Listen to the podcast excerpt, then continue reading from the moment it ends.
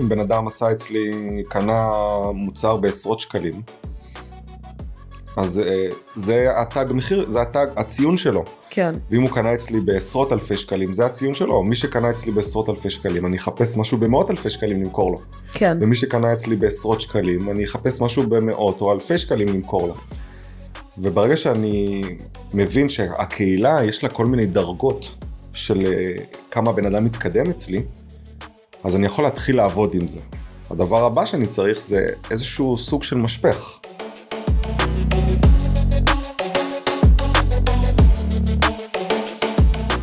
שלום וברוכים הבאים לאיתי. שלום תהילה, מה העניינים? איתי לוי לא הזמר. לא הזמר. לא הזמר. למרות שהוא גר, מ... שהיה לי משרדים בתל אביב בבית אל על, הוא היה, אנחנו היינו בקומה עשירית, וליאם הפקות של אייל גולן היו בקומה רביעית, והוא היה שם. הוא היה מקבל את הדואר שלי ואני הייתי מקבל את הדואר שלו. הלכתי פעם אחת לסניף דואר לשלוף איזה חבילה. מוצאים לי איזה קנבס כזה גדול, פותח את זה מהמעטפה, ורואה, תודה שבאת לשיר איתנו, איזה בני נוער שהזמינו אותו. תגיד להם בבקשה. כן, בבקשה. מה יקרה אם אתה היית שר להם, איתי? אה, אנחנו נחסוך את זה מהקהל. זה. טוב, איתי, זה ספר היה מופע לנו. בידור טוב דרך אגב. ספר לנו קצת, איתי. מי אתה, מה אתה, מה אתה עושה ומה עשית בעבר? בכוונה אני שואלת את זה ככה. טוב, קודם כל עוד שבועיים אני בן 44. וואו, בשעה שזה טובה. 4-4. מזל טוב. 4 on 4, 4 על 4. אני פה מעלה הילוך. אה, ככה, 20 שנה בתחום השיווק, אה, אחרי תקופה של הרס עצמי, מאוד מאוד אה, רציני, שנתיים של התמכרות קשה לסמים, לא פשטים, לפני לפני. החברה? זאת אוקיי. אומרת, הגעתי, לה, הייתי, זה היה שנתיים בחו"ל, דרום אמריקה, ארה"ב, הגעתי לארץ, ניקיתי את עצמי, לא ניכנס לסיפור קשוח. איך, אבל אה, לא ג'וינטים, אוקיי. זה לא היה שמה. אוקיי. אה, ניקיתי את עצמי ואמרתי אוקיי, אני, אני, אני סלדתי תמיד מהאקדמיה. אה, כשהייתי צעיר בתיכון שלחו אותי ללמוד אה, דברים חכמים, ביוטכנולוגיה רק שזה נפתח וכאלה. אבל הבנתי מהר מאוד שאני לא, זה לא אתה. זה לא אני אפילו, שזה מצחיק, כן. כי אם אני מסתכלת עליך, אתה בין האנשים, לדעתי, היותר אקדמאים, פשוט לא בהגדרה, זהו ש... יש לך ידע נרחב ברמה כאילו מטורפת. בתחומים מסוימים, כן, כן. בתחומים אחרים, בתחומי אני חושב שיש לי עוד המומחיות הרבה שלך. מה ללמוד. כן. אמ, אבל אמ, לא הייתי חסיד של אקדמיה ואמרתי אני אחרי שהתנקיתי הגעתי לארץ התנקיתי אמרתי אני הולך לפתוח עסק בר לחבר'ה. זה היה הרעיון. הלכתי שאלתי חבר בן למשפחת אה, זוגלובק. אה, שאלתי אותו אני ידעתי שהוא עושה מנהל עסקים אמרתי לו אני רוצה לפתוח עסק אני צריך מנהל עסקים הוא אמר לי לא. דבר ראשון. לא. לך תלמד מאנשים שעשו. ואני זוכר ממש את, ה... את האמרה הזאתי ולקחתי אותה וזה הסתדר לי נורא. וגם היום אני עובד על פי העיקרון הזה, אני, אני מלמד רק את הדברים שאני עושה בשוטף. אה, לא דברים שעשיתי לפני עשר שנה ואני עדיין, את יודעת, באיזה זיכרון ישן מתחיל ללמד את זה. אה, אז הלכתי ולמדתי, למדתי, היו, הלכתי לסמינרים של מנ- מנכ"לים גדולים, של סמנכ"לי שיווק, אה, אני לא אשכח איזה סמינר אחד של סמנכ"ל שיווק סופר פארם, וואו, blow my mind, כל המערך קופונים שלהם, אמרתי וואו, יש פה אנשים שיודעים לעשות שיווק, משם אני צריך ללמוד מאנשים כאלה. אה, די מהר איך שהתחלתי גם ללמוד מאנשים, אבל הייתי צריך לפרנס את עצמי, אז עבודות שטותיות כאלה, אבטחה וכאלה.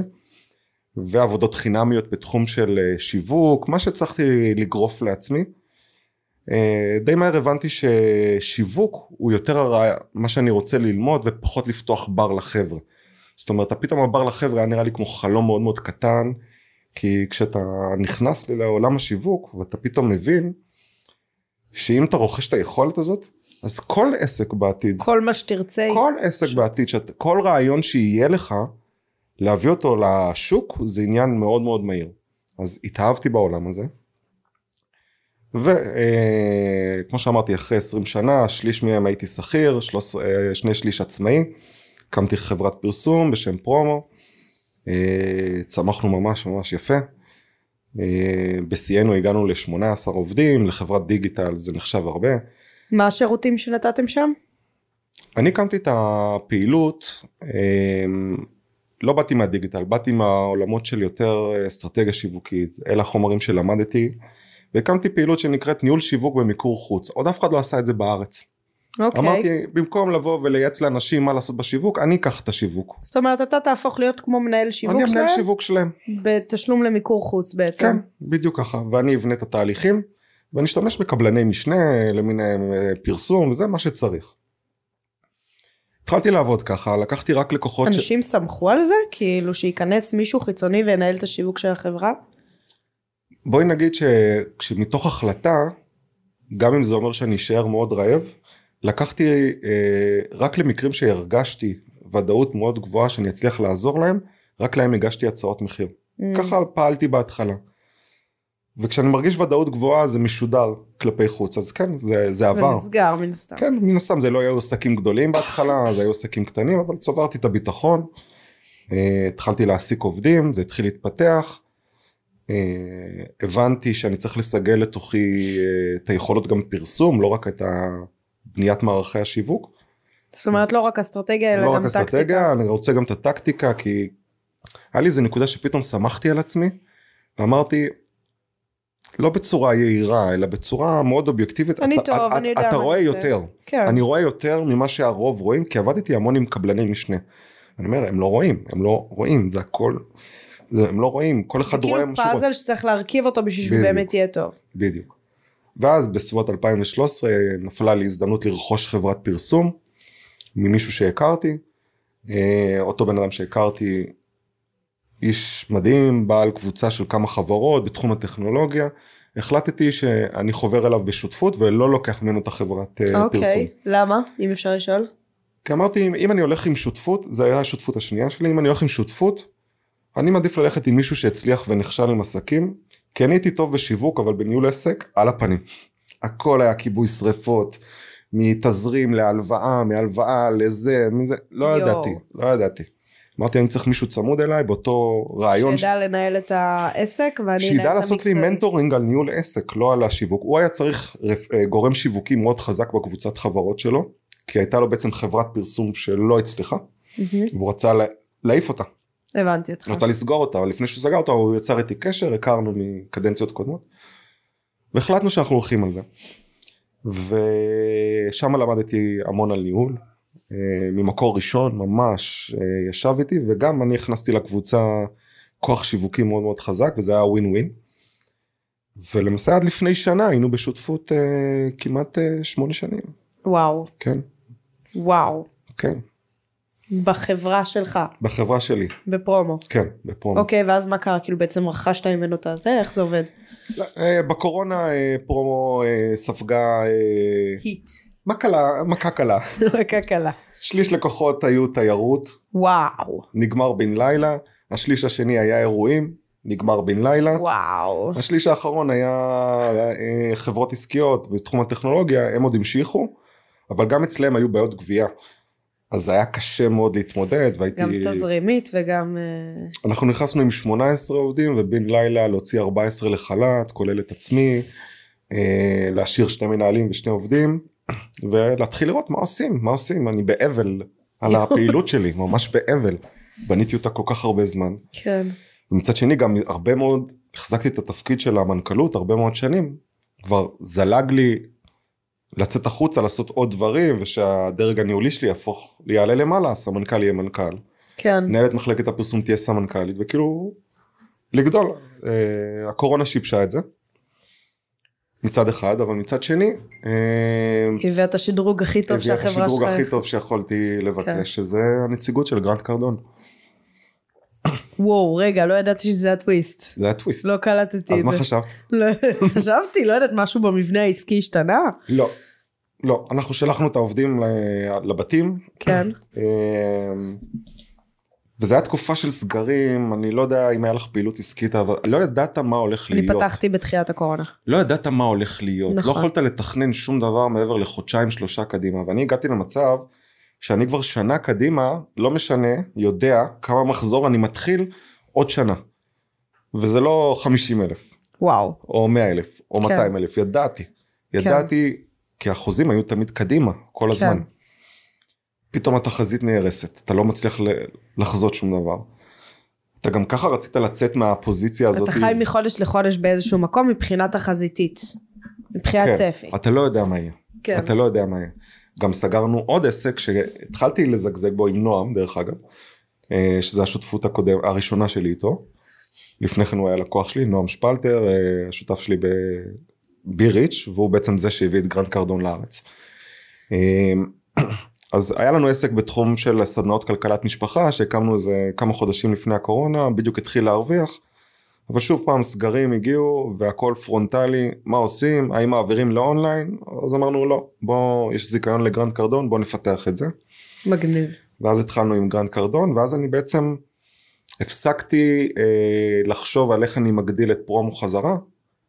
יותר אה, אמרתי אוקיי בוא נייצב את פרומו כמו שהיא כרגע היום. סוג של כמו השקעה משעממת כזאת, כאילו הדברים קורים, זה לא משעמם, זה מעניין אותך, זה ה passion שלך. אמרנו, מנוע שיווקי זה כלי לכל החיים. אם אתה יודע, יש לך מנוע שיווקי שאתה יכול לזרוק אותו על כל רעיון או כל מוצר שיש לך, או ניגש אליך. הרבה אנשים באים אליי עם רעיונות, כי יש לי מנוע שיווקי. כן. אז אני לא רוצה לבטל את המנוע השיווקי, וגם אמרתי, אם אני מבטל אותו, אז אני לא יכול יותר לדבר על שיווק. כי אני כבר לא עושה את זה בהווה, כי הרעיון שלי היה זה אם אני מלמד שיווק זה בגלל שאני עושה אותו בהווה. Mm. כל הזמן חי את הנושא יודע מה קורה עכשיו יודע מה נכון עכשיו. פלטפורמות משתנות אה, זירות משתנות אה, טיק טוק קם וטיק טוק נופל והדברים זזים ואת יודעת את זה גם בעולמות של האינסטגרם. וטראמפ מוציא רשת חברתית. וטראמפ מוציא נכון נכון ויש המון רשתות חברתיות משניות שאנשים בכלל לא מכירים. נכון. עוד לא פיתחו להם מערכות פרסום מסודרות אבל. אם משהו יקרה לרשתות הכבדות יותר, אה, אז התנועה תנוע לשם. נכון. כמו שקרה לטוויטר למשל, שהם בזיגזג, אף אחד לא יודע באמת מה קורה שם, מה אמיתי ומה בוטים. אף אחד לא יודע גם מה יקרה בעוד חודש בערך. ממש, ממש, היא יכולה להיעלם בן רגע. אותו דבר גם פייסבוק, היא יכולה להיעלם בן רגע. כן. ואז אנשים... היציבות גם לאחרונה מתחילה להתערער. בעולמות של הפרסום, המערכת פרסום עצמה, אי אפשר לי, כל משפכים שפעם היינו עושים, פעם היינו עושים משפכים שמתחילים, אה, שמייצרים אה, יחס של השקעה, החזר השקעה 1 ל-6, 1 ל-7, יציב, יציב. כל שקל שהוצאתם? על כל שקל שאני שם, 7 נכנס בחזרה, יציב, אני לא צריך אפילו... שזה במונחים של ROI, של החזר השקעה, זה מאוד יפה. מדהים. כן. מדהים. אה, והקמפיינים היו יציבים, היית שם מודעה, ברגע שהיא הייתה עובדת, יכולה להישאר גם חודשים, גם שנים. היום זה לא עובד ככה. אם הודעה מצליחה, יש לך יומיים שלושה, צריך להחליף אותה. זה מצחיק, היה לי איזה שיחה עם הקמפיינר שלי, התחלנו לנסות לשחק כזה, יש לי איזה קורס דיגיטלי חמוד ב-97 שקל, כאילו, ה-value for money שנתתי שם, כאילו, מאוד מאוד מאוד גבוה, מבחינתי זה רב מכר מטורף. אמרתי, יאללה, בוא נשים עליו מאומן. עכשיו בשנייה שהוא הרים את הקמפיין מוצ"ש, מרים את הקמפיין שלוש סליקות בשעה. כאילו, איזה כיף. יפה, איזה כיף. זה יפה, זה ממש יפה. איזה כיף. כולי מתרגשת, זהו, עוד שנה מהיום אני מיליונרת. בוא נחשב, 24 שעות ביממה, כפול שלוש, טק טק טק. בדיוק, כאילו אני ככה, והוא כזה, לא תהילה זה פוקס, אל תתלהבי, אל תתלהבי, עוד שלושה ימים תראי זה יורד, ואני כזה, למה, תגביר, מה אכפת לי?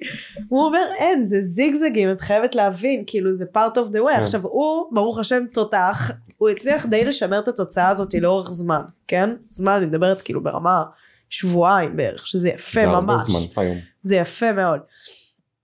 אמ, אבל, אבל כן, אני מאוד מבינה את מה שאתה אומר, כאילו העולם הזה מאוד מיטלטל היום, נכון. ה-Ads Manager של פייסבוק.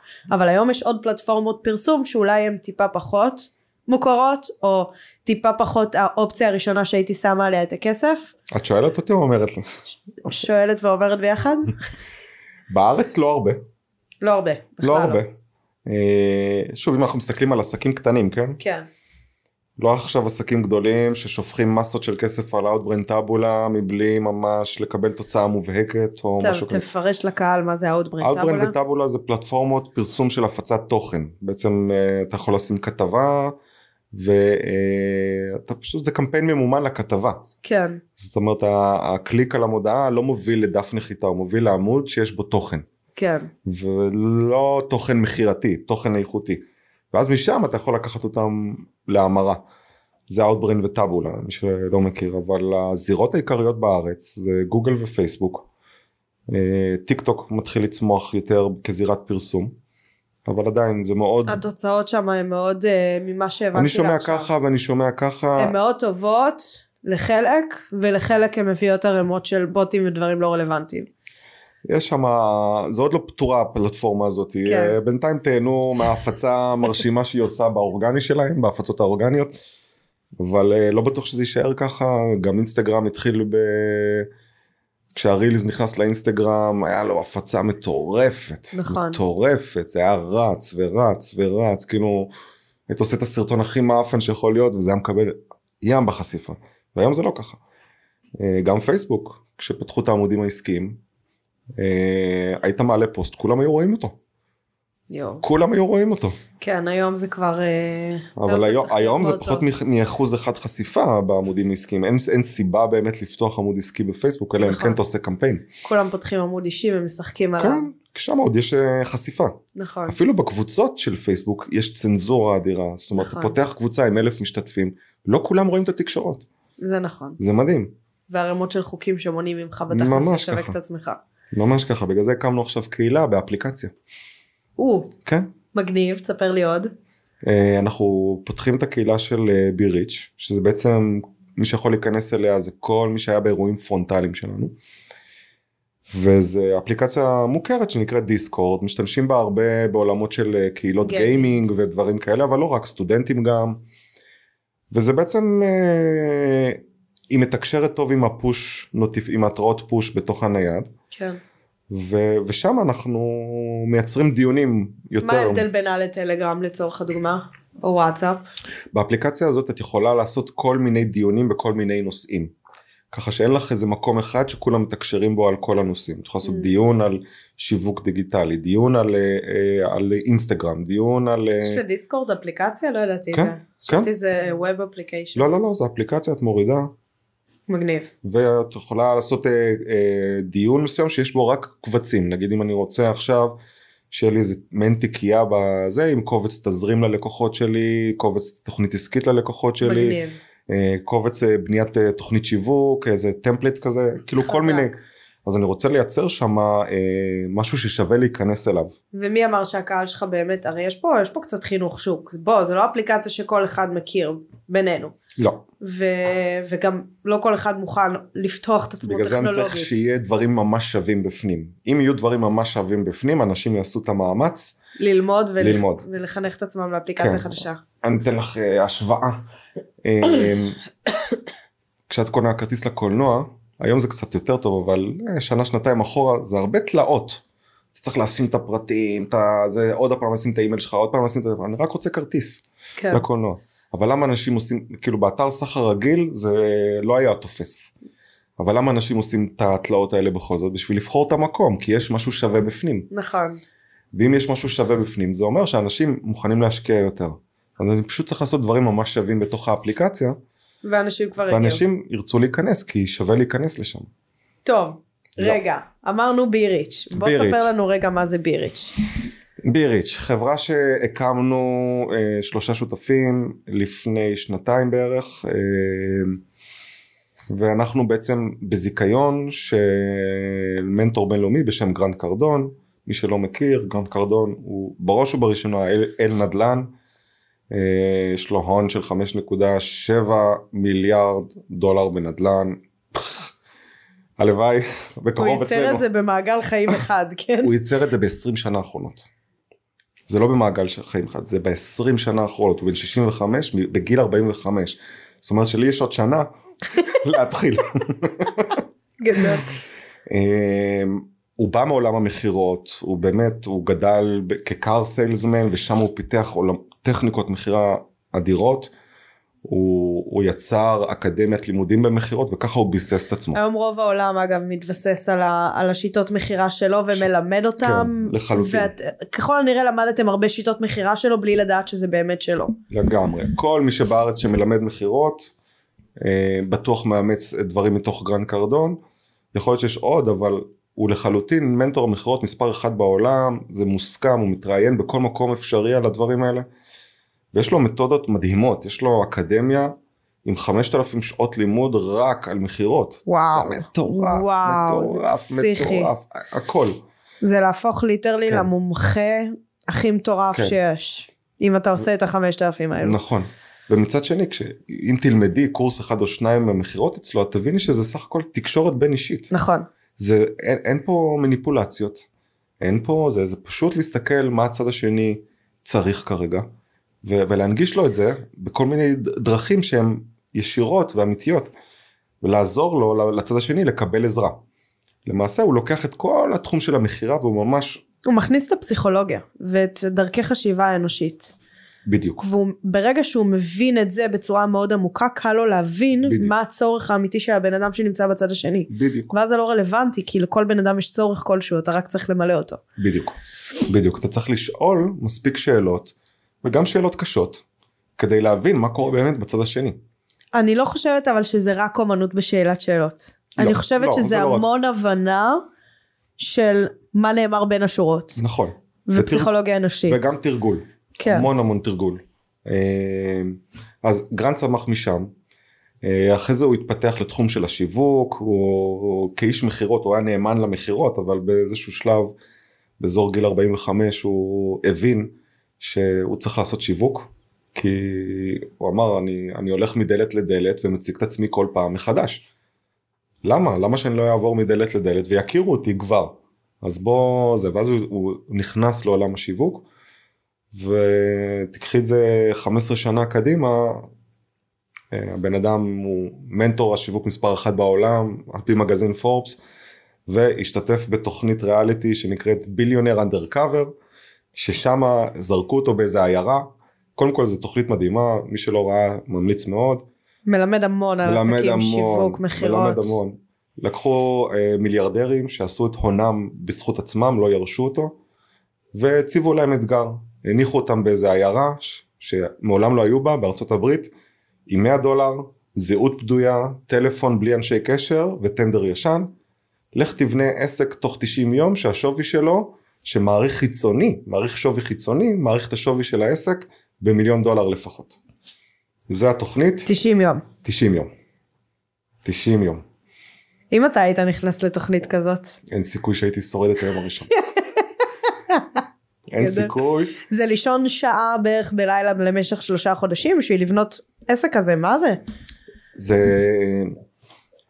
צריך לראות את זה כדי להבין כי זה, כי זה אי אפשר להסביר את זה הוא פשוט עושה קסמים הוא- וזה לא שהוא בונה את זה מהיום הראשון הוא בונה דברים וזה נופל לו וזה נשבר ולא מצליח ולא זה.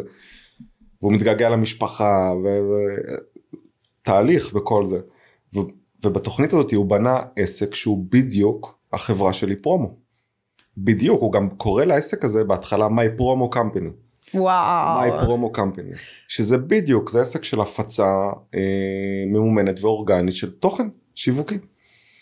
אה, והוא בנה את זה ובסוף התוכנית ספוילר אה, למרות שבגוגל ישר יראו הוא בנה עסק שהמעריך החיצוני אה, העריך את העסק ואת כל החוזים שנחתמו ב-5.5 מיליון דולר יואו, ב-90 יום. ב-90 יום. בתכלס, בינינו, הוא פשוט רכש כלים במהלך הדרך שלו, איך להקים את כן. הדברים האלו, כי הוא למד גם המון מטעויות, הוא ידע להימנע מהם תוך כדי, כן. וב-90 יום להרים דבר כזה. נכון. גרנט הוא מאמין ביכולות. הוא אומר אם אתה רוכש משהו תרכ-. תרכוש יכולות. ממש. כי ברגע שלך יכולת קשה מאוד לקחת ממך רק אתה יכול דרך סמים קשים ואורח חיים עם אתיקה נמוכה מאוד אה, להשבית יכולת אבל אתה לא מוחק אותה לחלוטין אתה יכול להשבית אותה לתקופה מסוימת או לשכוח שיש לך אותה אבל אתה לא אפשר פשוט לקחת לך יכולת ולכן זה, זה באמת משהו שהוא שלך. והוא עם נטו על היכולות שלו לא על אנשי קשר אף אחד לא הכיר אותו הוא גילח את השיער. ונטו על היכולות שלו הוא בנה את זה מדהים פסיכודלי. כן אז גרנט קרדון אה, אנחנו הנציגים שלו בישראל אה, רכשנו זיכיון, זיכיון לא בזול אה, ואנחנו בעצם לא מייצ- בזול זה בלשון המעטה. לא בזול זה בלשון המעטה חצי מיליון לפחות דולר. שקל? שקל חצי מיליון שקל? חצי מיליון שקל. אמ, וזה המדרג זכיינות הכי גבוה, יש מדרגים יותר נמוכים. אנחנו גם קיבלנו אישור לתרגם את החומרים שלו, קנינו את הז- את הקניין הרוחני על הספרים שלו. אה, אנחנו כאילו זכיין בדרג קצת יותר גבוה מרוב הזכיינים האחרים. סך הכל יש לו 393 זכיינים כאשר בכל- אתם הייתם הראשון. בעולם. אנחנו היינו, כן, בקבוצה הראשונה, ממש הראשון, היה איתנו עוד אה, זכיין של אה, מקסיקו אם אני לא טועה. אה, אנחנו פתח, כאילו, פתחנו איזה שער. אה, בשנת 21 אה, יש תחרות זכיינים חודשית. אה, כל חודש זכיין מצטיין כאילו זוכה, אה, יש כל מיני פרמטרים. ב-21 כל חודש זכינו מקום ראשון, וואו. וב-22 הזכיינים האחרים התלוננו, אז ביטלו את התחרות החודשית ועשו אותה שנתית, ובסוף 22 קיבלנו את ההודעה, ממש לא מזמן, שאנחנו הזכיין המוביל גם יואו. ב-22. זה, זה רק אומר שעשינו עבודה טובה, בנינו את החברה בצורה טובה, ואני מסתכל על, על שנתיים ש, שאנחנו בדרך, לדעתי כבר הרבה מאוד אנשים מכירים אותנו. אה, יש לנו עשרות אלפי אנשים בקהילות שלנו וברשימות תפוצה שלנו. האירועי מבוא שלנו מלאים, מלאים באנשי עסקים. ו- אירועי מבוא חברים זה כנסים כנסים, כן, שמתמלאים שמתמלאים, עם ערך מאוד טוב. אבל לא טוב מדי. אבל לא טוב מדי. כדי לא לפתור את כל הבעיות, כי הם צריכים להתקדם במשפך. אבל תאמינו לי גם הלא טוב מדי שלהם כאילו הוא הוא. טוב מאוד ביחס למה שקורה היום בשוק הישראלי. בחו"ל לדעתי זה מאוד סטנדרטי אה, אבל בשוק הישראלי זה אני חושב שהביצועים של, תראי, אנחנו לוקחים הכל מגרנט, אנחנו לא ממציאים אותו. כן כי סך הכל זה עובד מה שיש לו. וזה עובד מה שיש לו לא רק בקהילות של עסקים קטנים ובינוניים, גם ב... בטופ 500 companies בארצות הברית מיישמים כן. את השיטות שלו. כן אז אה, אם זה עובד לכל פלחי הסוגי עסקים והגדלים, וזה כללים אוניברסליים, זה לא כללים שמותאמים רק לאיזה שוק ספציפי בארצות הברית או משהו כזה, זה כלים נכון. אוניברסליים לחיים ולעסקים. אז אנחנו פשוט אה, עושים את הסדנאות שלו בארץ. והפידבקים שאנחנו מקבלים מאוד מאוד טובים, גם לא רק פידבקים שטחיים, היה מהמם, היה מגניב, איזה אנרגיה, פידבקים, זה שיפר לי את העסק, צמחתי פה, הבנתי פה משהו שהייתי תקוע איתו שנים. מאוד וזה מה שמעניין אותנו. חד משמעית חותמת על זה אני בעצמי אה, על המידע שאני קיבלתי בכנסים האלו אה, והצוות שלי קיבל. השאלה שעולה כן, איתי כן, אני דוקרת מקדימה יאללה. זה בסדר? בטח. זה באמת שאלה שעולה. תשמע, אתה בן אדם עם רזומה מטורף מאחוריך, 20 שנה ניסיון, טירוף חושים מבחינת רמת הידע, הכלים, הסקילס שיש לך, אתה היום, היום יכול לקחת עסק ולהרים אותו חבל על הזמן. למה לקחת שם של מישהו ולהיות מנכ"ל של חברה שבאיזשהו מקום, אני יודעת שזה לא מקדש אותו, זה מקדש את הכלים שלו, את השיטות שלו, שזה עוזר למאות אם לא מיליונים של אנשים. אמ, למה לעשות את זה? למה להקטין את עצמי ולהגדיל את הקודקוד? זה, זה לא באמת מקטין אותך, אבל כן, נכון. כאילו למה לא לפתוח חברה של איתי שעושה את זה? איתי ייעוצים בעם, אה, איתי לוי ייעוצים בעם. כן, איתי לוי. תראי, קודם כל, איתי לוי לא הזמר, זה שם. החברה. תראי, קודם כל, אה, גרנט הוא מנטור שלי לפני שבכלל חברתי לשותפים שלי שהם הביאו את הזכיינות. אז הוא מישהו שלמדתי ממנו והמון. וזאת אומרת, ואני בן אדם שאני לא נע בין מנטור למנטור. אם יש לי מנטור זה אחד. מיציתי אותו, עובר לבא בתור. אני מעמיק בתוך מנטור אחד ולא לוקח באופן שטחי על הרבה מנטורים. כן. כאילו, אם מישהו בא אליי ואומר לי, פגשתי המון מנטורים. זה שפגשו המון מנטורים זה לא אומר שהפנימו, יודע, העבודה העומקית זה מה שמשנה. נכון. אמ, דבר שני, אם אני בונה, הרעיון היום שלי בעסקים, העסק הראשון עשיתי כי אהבתי, אהבתי שיווק, אהבתי לעשות את העשייה, הייתי צריך לאהוב את העשייה כדי לעשות עשייה. נכון. וכשהתחלתי לנדוד ליזמות, שזה בעצם לפתוח עוד עסק, ויש לך כמה עסקים במקביל, אז כבר ביזמות אתה מבין משהו אחר, המטרה צריכה לרגש אותך, העשייה, יש דברים בעשייה שהם לא כיפים, אוקיי? מי שמריץ חבר...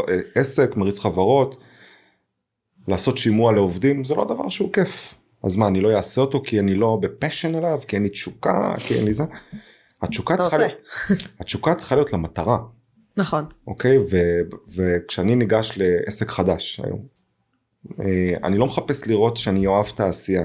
מחפש לראות האם יש פה התכנות לרווחיות תוך שלושה חודשים, האם זה רווחיות שהיא, שהיא טובה, האם המוצר שאנחנו עושים פה עושה באמת דברים טובים לאנשים, כי, כי על זה קיים העסק, שהמוצר יעשה דברים טובים, נכון. לא רק למכור אותו ואולי הוא יצליח. אה, זה תמיד הייתה המנטרה שלי, המוצר חייב לעזור, הוא חייב לעזור, אחרת אין, אין סיבתיות שאנשים ימשיכו. ואם אנחנו לוקחים את כל הדבר הזה, אה, אז גם ראיתי התכנות רווחיות גבוהה, גם ראיתי הזדמנות להיצמד למנטור שאני עוקב אחריו, מעמיק איתו, אוהב, מאמין מאמין. בתכנים שלו. והדבר השלישי זה לח... ההיתכנות העסקית, אם אני עכשיו אבנה שיטה של איתי לוי, אז עוד שמונה שנים אולי אני אהיה שווה לאנשים כמו אה, מנטורים חזקים בארץ, אלון אולמן, אה, ניר דובדבני, או כל מי שהצליח להגיע, רמי דבורה, לא, לא, מכיר את כל השמות. ואמרתי, אז אני, אני אהיה עוד אחד שהמציא שיטה, אבל אם אני לוקח את השיטה של גרנט קרדון, שיש לה כבר הסכמה גלובלית, אפשר לומר, שהיא עובדת. פה יש לי יתרון, יתרון תחרותי, אני לא עניין מקומי, אני עניין בינלאומי, ואני יכול גם לנדוד מעבר לגבולות של ישראל, ובגלל זה גם קנינו את הקניין הרוחני לשפה הערבית של החומרים של גרנט. אבל אם בן אדם בא ומסתכל על זה מהצד, כל מה שאתה אומר הוא נכון, כשהוא בא ומדבר ו... וחש. אוקיי, מי שלא חש והוא רק שומע, כל מה שהוא רואה זה קבוצת פאנס. זה קבוצת מעריצים של אומרת? גרנט. למה? מה הכוונה? כי כל החברה בהגדרתה מושתתת על נציגות גרנט קרדון. נכון, היא על גרנט. נכון, אז זה קצת, זה, אתה יודע, בן אדם שלא מבין ולא חווה ושומע פה, שומע שם, נחמד נעים, מבחינתו זה קהילת פאנס. זה כאילו מה, אה, מעריצים כאלה אה, כן, על עיוור, כאילו, מה שנקרא? כן, כן. יש פה איזשהו חסם כניסה אפילו יכול להיות כאן. אתה אומר, אני לא מעריץ שלו עכשיו, נחמד. מכיר את הבן אדם, יודע שהוא כן. תותח, למה? תראי, הערצה זה מונח אה, tricky, כן. אוקיי? כי יש אנשים שמעריצים את, מעריצים אה, זמרים. הם מעולם לא פגשו את הזמר, הם לא יודעים אפילו מה הדעות שלו, הם פשוט מעריצים את עצם זה שהוא חזק, כן. אוקיי? ויש אנשים שמעריצים את, ה...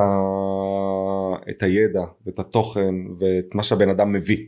נכון. את מה שהבן אדם מביא וזה. זה לא שאני מעריץ את גרנד כי הוא מגניב וכי הוא לא יודע מה יש לו אישה יפה או משהו כזה. אני מעריץ אותו כי אני רואה את הכוונות האמיתיות שלו לעזור לכמה שיותר אנשים ואני רוצה להיות חלק מהדבר הזה. ובשביל זה אני מעריץ אותו כי הוא הוא לא בהסתכלות של בואו תתעניינו בי הוא בהסתכלות שאני מתעניין בכם. תמיד, תמיד הוא היה. אני מתעניין בכם, מה אתם צריכים לעשות עכשיו, מה אתם, לאן אתם צריכים להגיע. זה שאני נוסע במכונית אה, ספורט זה לא אומר שאתם צריכים לקנות, אני קניתי אותה רק כי הגעתי למצב שאני יכול. הגעתי למצב שאני יכול. הוא אתם, כל הזמן מסביר את זה. הוא כל הזמן, הוא, הוא לא מדבר, הוא כאילו, הוא מדבר מעט על עצמו כדי להמחיש לאחר מה, מה, איך הוא צריך להתנהג. ואני אוהב את הדברים האלה, אני, אני פחות אוהב את, ה, את האנשים שהם באים, בוא, אני, אני המעניין, תתעניינו בי, תתעניינו בי, אני אוהב את אלה שבאים ומתעניינים באחר. כן. זה גרנט, אה, אני לא אדבר על מנטורים אחרים, אבל אני חושב שהוא מאוד ייחודי בגישה הזאת. חד משמעית. ואני חושב שבגלל זה גם זה לא שיש לו מיליוני מעריצים יש לו עשרות אלפי אנשים שמשקיעים איתו בנדלן. כן. את יודעת לזה אין אין זה לא אין הערצה אפס. זה אנשים ששמים איתו אצלו כסף זה אמון וביטחון אמון וביטחון ברמה מאוד גבוהה. בדיוק טוב יאללה בוא נפסיק לדבר על גרנט. יאללה בוא נדבר תכלס. איתי אמרת שאתה מנהל כיום ב- בין אם בנציגות ובין אם לפני כן בחברה שלך בפרומו ניהלת קהילות ענקיות. נכון. ניהלת קהילות של עשרות ואם נצבור את זה מאות אלפי אנשים. ללקוחות שלי גם כמובן. ללקוחות כן. כן מאות אלפים מה איך איך מגיעים לזה בכלל איך מגיעים לזה שיש לנו שם מייל וטלפון של מישהו? של מישהו, ותכפיל את זה בעשרות אלפים. איך עסק יכול להגיע לדבר כזה בכלל? מסתבר שאנשים מוכנים לתת מעצמם, בין אם זה כסף או מהפרטיות של עצמם, שזה הפרטים שלהם, כן. כשהם מקבלים דברים שווים. זה קטע מטורף. מסתבר שזה ככה עובד בחיים. וכל הרעיון של שיווק הוא, הוא לתת לבן אדם משהו שהוא מסוגל לחוות, והוא מוכ- מוכן לחוות גם את האובדן של המשאב, או של הפרטיות, או של כסף בהמשך. כן. הוא מוכן לחוות את האובדן בשביל מה שהוא הולך לטובת לקבל. הרווח הזה. וברגע שמבינים את העיקרון הזה ואתה את יודעת איך לייצר אה, מוצרים ושירותים בצורה הזאת אז ככה צוברים קהילות זה כל העניין גם כשמי שמתעסק בשיווק הוא יודע להעריך תמיד מה המדרג הנכון שצריך לשדר לקהל כרגע. אה, ובאיזה דרגת חום הקהל נמצא עד כמה הוא בשל למותג עד כמה הוא לא בשל. עשייה שיווקית גורמת לך לראות את הדברים האלה ואז פתאום זה, זה יוצא לכדי כל מיני משפחי שיווק שאני עושה לעשרות לקוחות בו זמנית ולומד מזה בו זמנית עם הצוותים שמנהלים את זה ואז אתה עולה על רעיונות אה, איך לייצר אה, את, ה, את הפרטים האלה שאמרת שם טלפון מייל. עכשיו אני בתחילת הדרך אחד הסמינרים שהייתי בהם לא זוכר מי היה הבן אדם שם, אבל אני זוכר בהחלט את הכלל שנאמר לי באותו רגע. כל כרטיס ביקור שאתה מקבל, כל כתובת מייל, תתייק ותיתן לזה קטגוריה. פשוט ככה, תתייק ותיתן לזה קטגוריה. למה? כי העבודה ברשימות תפוצה אה, זה העבודה הכי מניבה היום. ואני אני, אני אתן דוגמה. אני אתן דוגמה אפילו מביריץ', זכ... אה, לא מזמן קרה לנו שנחסם לנו האינסטגרם. יש לנו קהילת עוקבים שם, היא לא ענקית כי פתחנו אינסטגרם חדש לפני שנה. אה, אבל השקענו באינסטגרם הזה בשנה האחרונה מעל 200 אלף שקל. כן. וביום בהיר אחד האשימו אותי שאני מתחזה לגרנד קרדון שאני הזכיין שלו ופשוט עצרו לי את האינסטגרם בו זמנית זאת אומרת שגם הקהלים שצברתי שם אני לא יכול להגיע אליהם וואו. לא יכול להגיע אליהם ולכן אותו כלל שלמדתי בתחילת הדרך תקף גם היום אף אחד לא יכול לקחת לך את הפרטים של הקהל שלך כשהם אצלך נכון. ולכן איך אתה גורם להם שזה יהיה אצלך נותן להם משהו ממש שווה. בחינם? בתשלום? זה יכול להיות בתשלום, אם זה ממש שווה, אבל איך הרעיון- אמרת המשאב? כל עוד הם מוכנים לשים את המשאב הזה נכון. על, מה ש... על התמורה שהם מקבלים, הם ישימו. לא נכון. משנה מה. נכון, זה לא משנה אוקיי. אם זה מיליוני שקלים או שתי שקל. אז אחרי שהסברנו את העיקרון הפשוט, כן. וכולם הבינו בכלל איך שנייה צוברים את הקהילה, בואו נדבר על איך מתפעלים אותה. כי שם, א' זה ה game changer, שתיים זה הדבר הכי קשה. כי נגעת בזה פה בנקודה, זה לא רק לשמור את הפרטים. זה לשים אותו בקטגוריה מסוימת. זה נכון. לשים עליו לייבל מסוים, לא רק נכון. בדרגת הבשלות שלו, גם באיך הוא הגיע ולדעת איך לפנות אליו. איך הוא הגיע, גם מה הוא עשה אצלי עד עכשיו. נכון? אם בן אדם עשה אצלי, קנה מוצר בעשרות שקלים, אז אה, זה התג מחיר, זה התג, הציון שלו. כן, ואם הוא קנה אצלי בעשרות אלפי שקלים, זה הציון שלו. מי שקנה אצלי בעשרות אלפי שקלים, אני אחפש משהו במאות אלפי שקלים למכור לו. כן, ומי שקנה אצלי בעשרות שקלים אני אחפש משהו במאות או אלפי שקלים למכור לו. וברגע שאני מבין שהקהילה יש לה כל מיני דרגות של אה, כמה בן אדם מתקדם אצלי אז אני יכול להתחיל לעבוד עם זה. הדבר הבא שאני צריך זה איזשהו סוג של משפך. אני אתן הסבר על משפך שיווק כי יש לזה הרבה מאוד הגדרות. אבל ההגדרה הכי קלה זה מערך מוצרים שיש לך החל ממוצר ללא עלות ועד למוצר פרימיום שבהתאם לדרגת החום של הקהל הם בוחרים איפה להיכנס. אם קהל שהוא חם הוא יכול להיכנס ישר למוצר של אלפי שקלים. אם הקהל לא מכיר אותי בכלל ולא זה אז הוא ייכנס למוצר ללא עלות או מוצר בעשרות שקלים. אז תקחי קהילה שיש לה כל מיני דרגות חום וכל מיני פלחים בתוך הקהילה ותקחי משפך מוצרים שמאפשר מלייט עד פרימיום לחוות. ועכשיו מתחילים לשחק את המשחק מה אני משווק לאיזה פלח ואיך אני עובד איתם בדבר הזה ו- ואיך אני פותר בעיות. בתוך, ה, בתוך העניין של הקהילה. אה, הכוונה בפתרון בעיות, כשאנחנו משווקים, אנחנו תמיד משווקים פתרונות. נכון. אם נסתכל על זה מלמעלה מלמעלה, כל מוצר, כל דבר, אנחנו משווקים פתרון לבעיה. מה התועלת שאני משיג מהדבר הזה בהתאם לבעיה שיש לי? בדיוק, איך זה פותר לי את הבעיה, איך זה מקדם אותי בחיים. אה, לפעמים זה פותר בעיה שהבן אדם לא יודע, נגיד בן אדם הולך לקרוא טלוויזיה, וב, לא יודע, באיזושהי חנות, זה לא שיש לו בעיה, עכשיו, אוי, יש לי בעיה וכל זה, אבל בעיה יכולה להיות זה, בוא נשאל אותו, למה אתה הולך לקרוא טלוויזיה? בא לי מסך גדול יותר. אוקיי. למה בא לך מסך גדול יותר? כי המסך קטן ואני לא יכול לארח את החבר'ה במונדיאל. הופה, אין לי בעיה. מצאנו את הבעיה. אז עכשיו אני משווק לו פתרון. אז פתאום הוא אומר, אה נכון, כן הייתה לי בעיה. כי הוא לא יודע לחשוב במונחים האלה. אז אנחנו משווקים פתרונות. אני אוהבת לשים את זה בקטלוג שהוא יותר יפה. אוקיי. אנחנו משווקים נרטיבים, סיפורים כלשהם. אוקיי.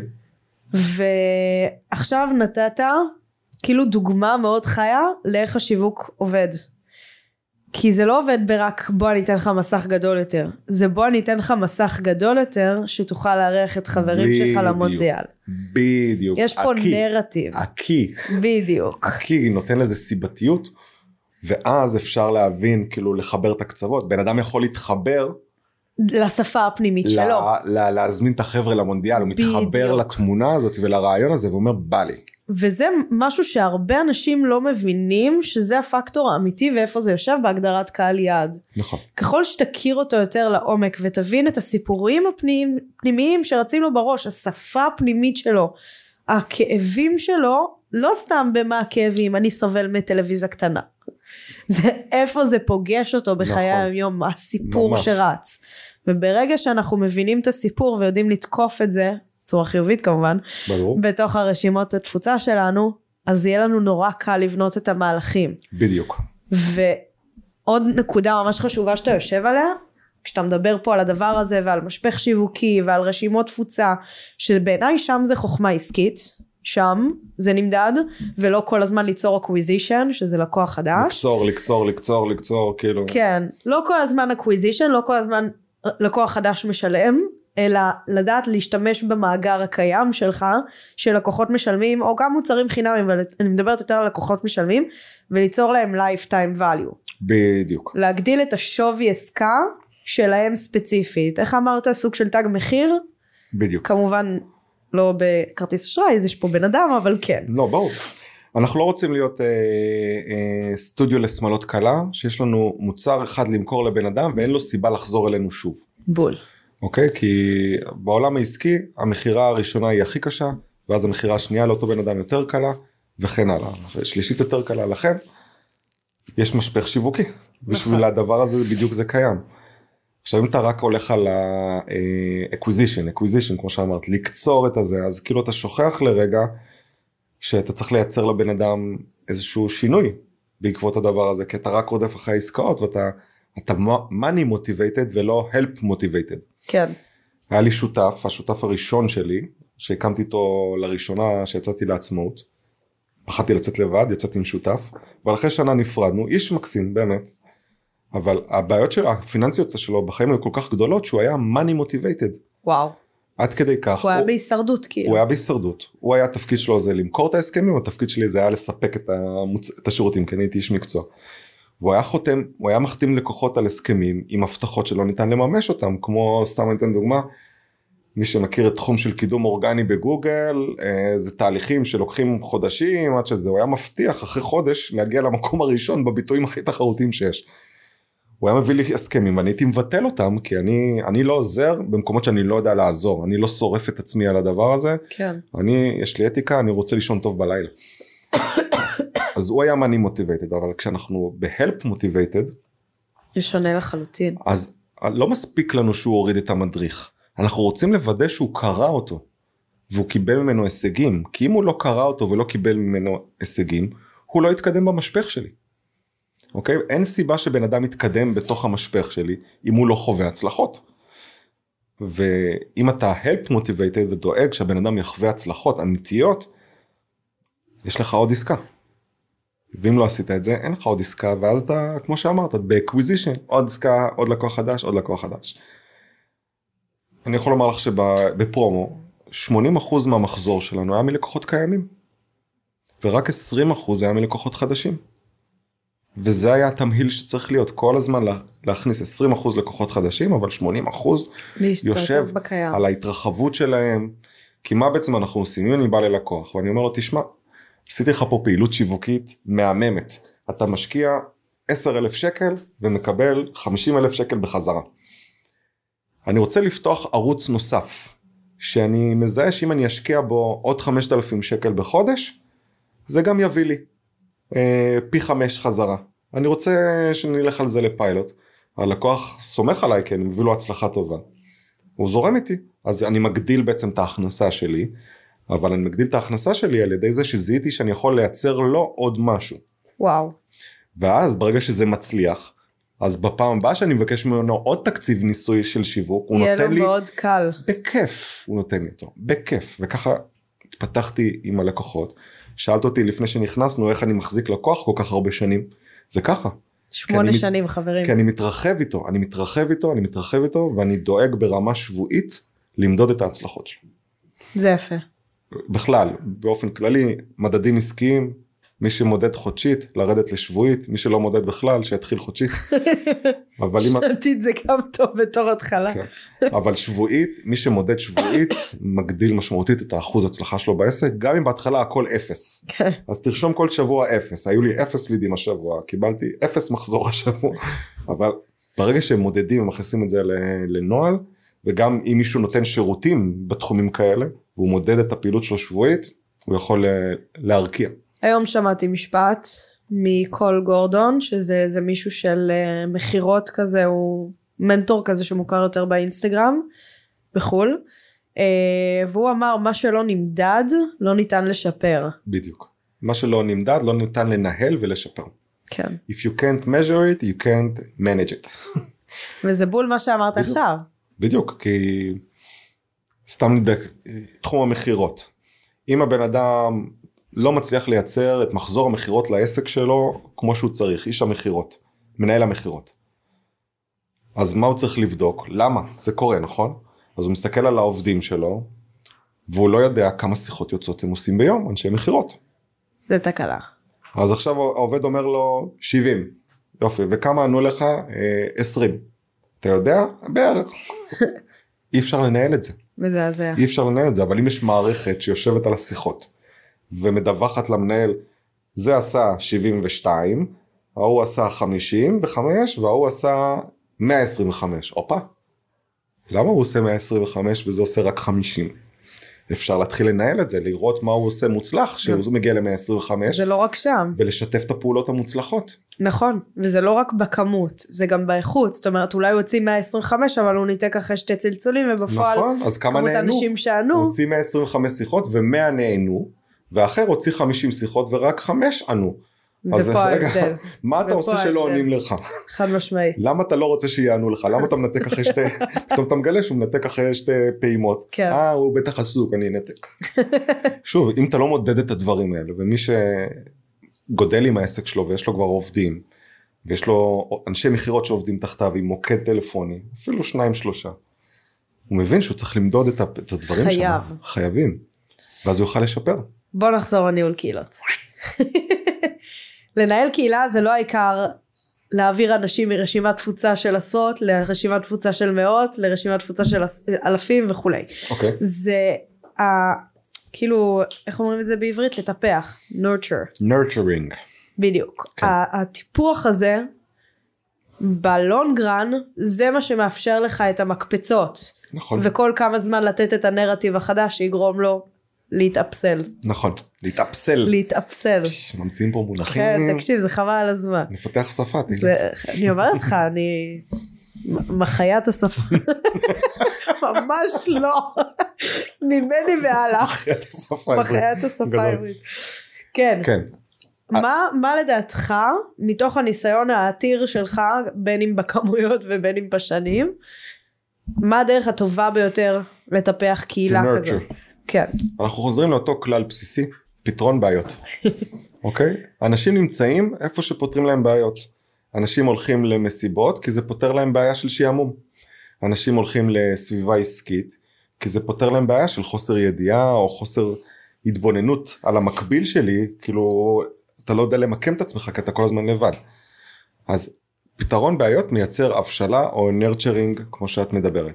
עכשיו יש לזה כל מיני עניינים כאילו יש לזה אריזות שונות זה משחקים זה אתגרים זה תוכן שפותר בעיה זה הדרכה יש כל מיני דברים שאפשר לעשות מול הקהילה. אה, אבל גם צריך מטרה לקהילה. את יודעת, אנשים לא מחזיקים קהילה בשביל לקבל אה, אה, הערצה. זה לא הרעיון בדבר הזה. נכון. קהילה חייבת שיהיה לה מכנה משותף. איזשהו מכנה משותף אחרת הם לא היו מתאגדים.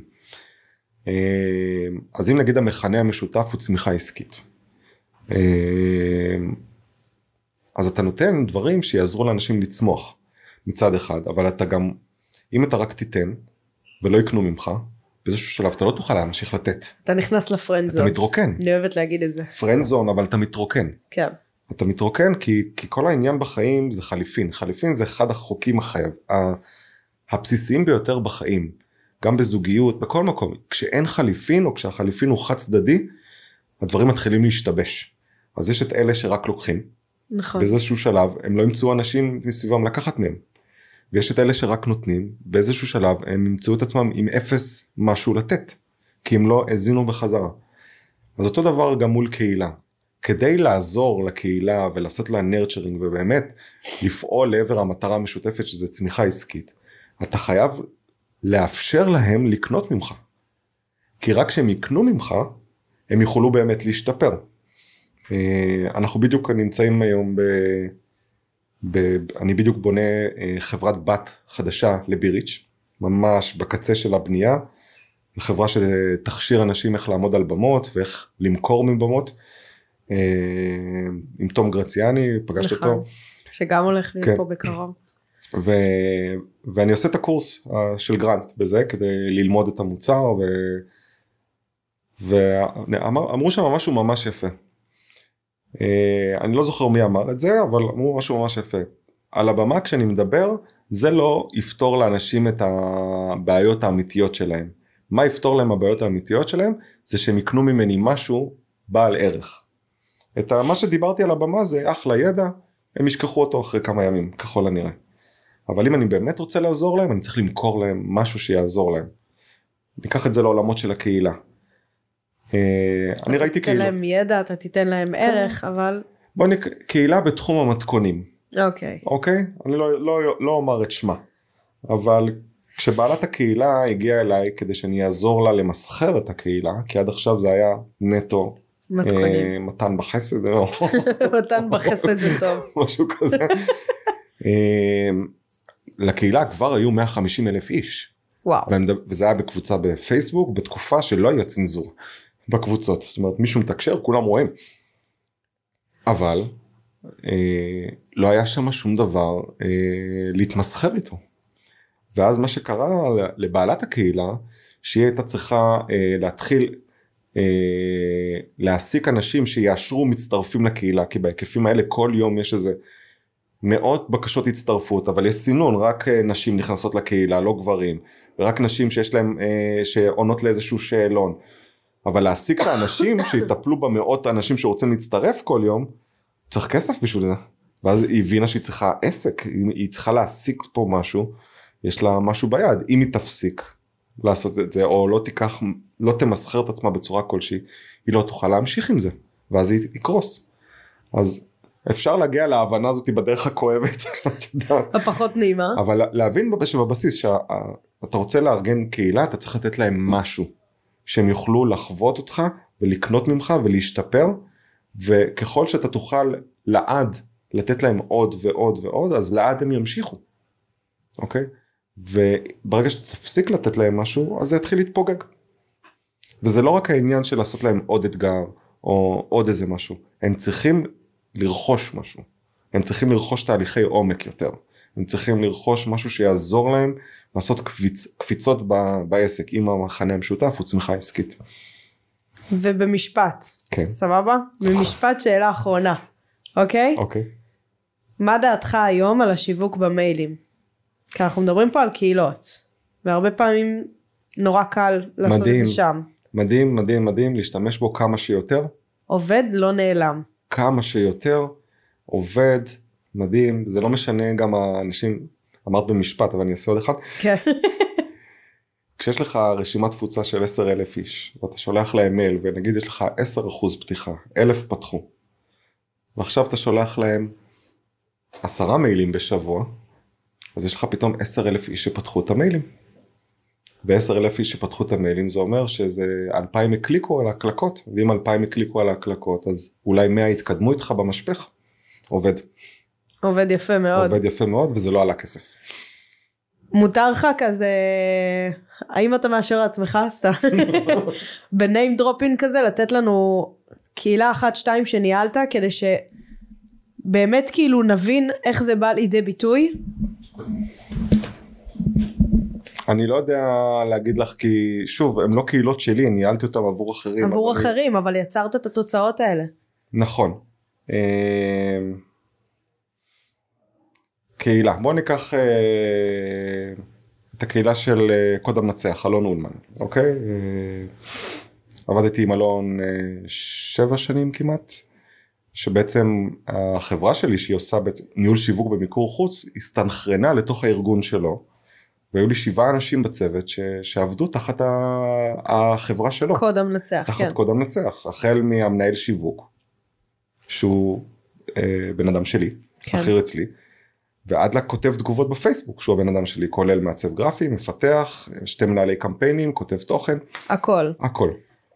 מה המקפצה שעשיתם איתו? אני יודעת לשאול את השאלה כי אמרת לי את זה, ולכן אני שואלת את השאלה. כי זה חשוב שאנשים יבינו את הכוח של תפוצות. בתקופה שזה היה נחשב, אה, אנחנו עשינו מקפצה מ-20 אלף עוקבים בפייסבוק ל-180 אלף עוקבים בפייסבוק, בוא נדבר רגע בכנסים, בכנסים. במכירות פופר. אמ, טוב זה קפיצות קוונטיות כי בעצם התפקיד שלי היה לדאוג שכל האירועי מבוא של אלון מלאים.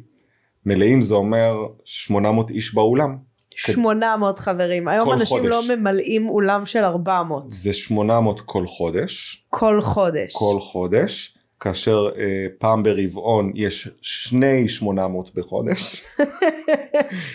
וכדי לסגור 800, כדי ש-800 איש יופיעו לאירוע עצמו, אתה צריך למכור בערך אלף כרטיסים. כן. כי יש את ה- כרטיסים, כי יש אלה דרופ. שלא מגיעים. כי יש כן. את ה drop ואלה שלא מגיעים ועוברים הלאה ויש כאלה שלא מגיעים ולא מממשים את הכרטיס כן. אז אתה צריך למכור אלף כרטיסים כל חודש.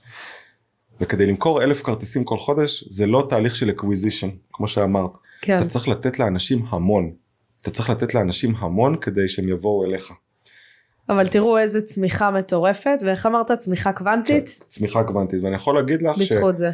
שאם אני אראה לך את הקבצי גאנט גאנט אה, תכנים שהרצנו שם ברשתות החברתיות שנים 2016 2017 זה בדיוק מה שאני מדבר עליו היום זה 6 7 8 פוסטים ביום שתיים שתי מיילים ביום זה זה, זה מטורף. ממש מטורף.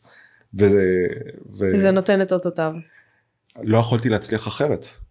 לא יכולתי להצליח להבטיח לו, אני הגעתי למצב שאני אה, שלושה שבועות לפני כל אירוע מכריז סולד אאוט. הגעתי למצבים שגם שני אירועים קדימה, אני שלושה שבועות לפני אירוע, וגם האירוע שחודש אחריו הם מלאים כבר ואני מתחיל את החודש הבא אחריו. וואו.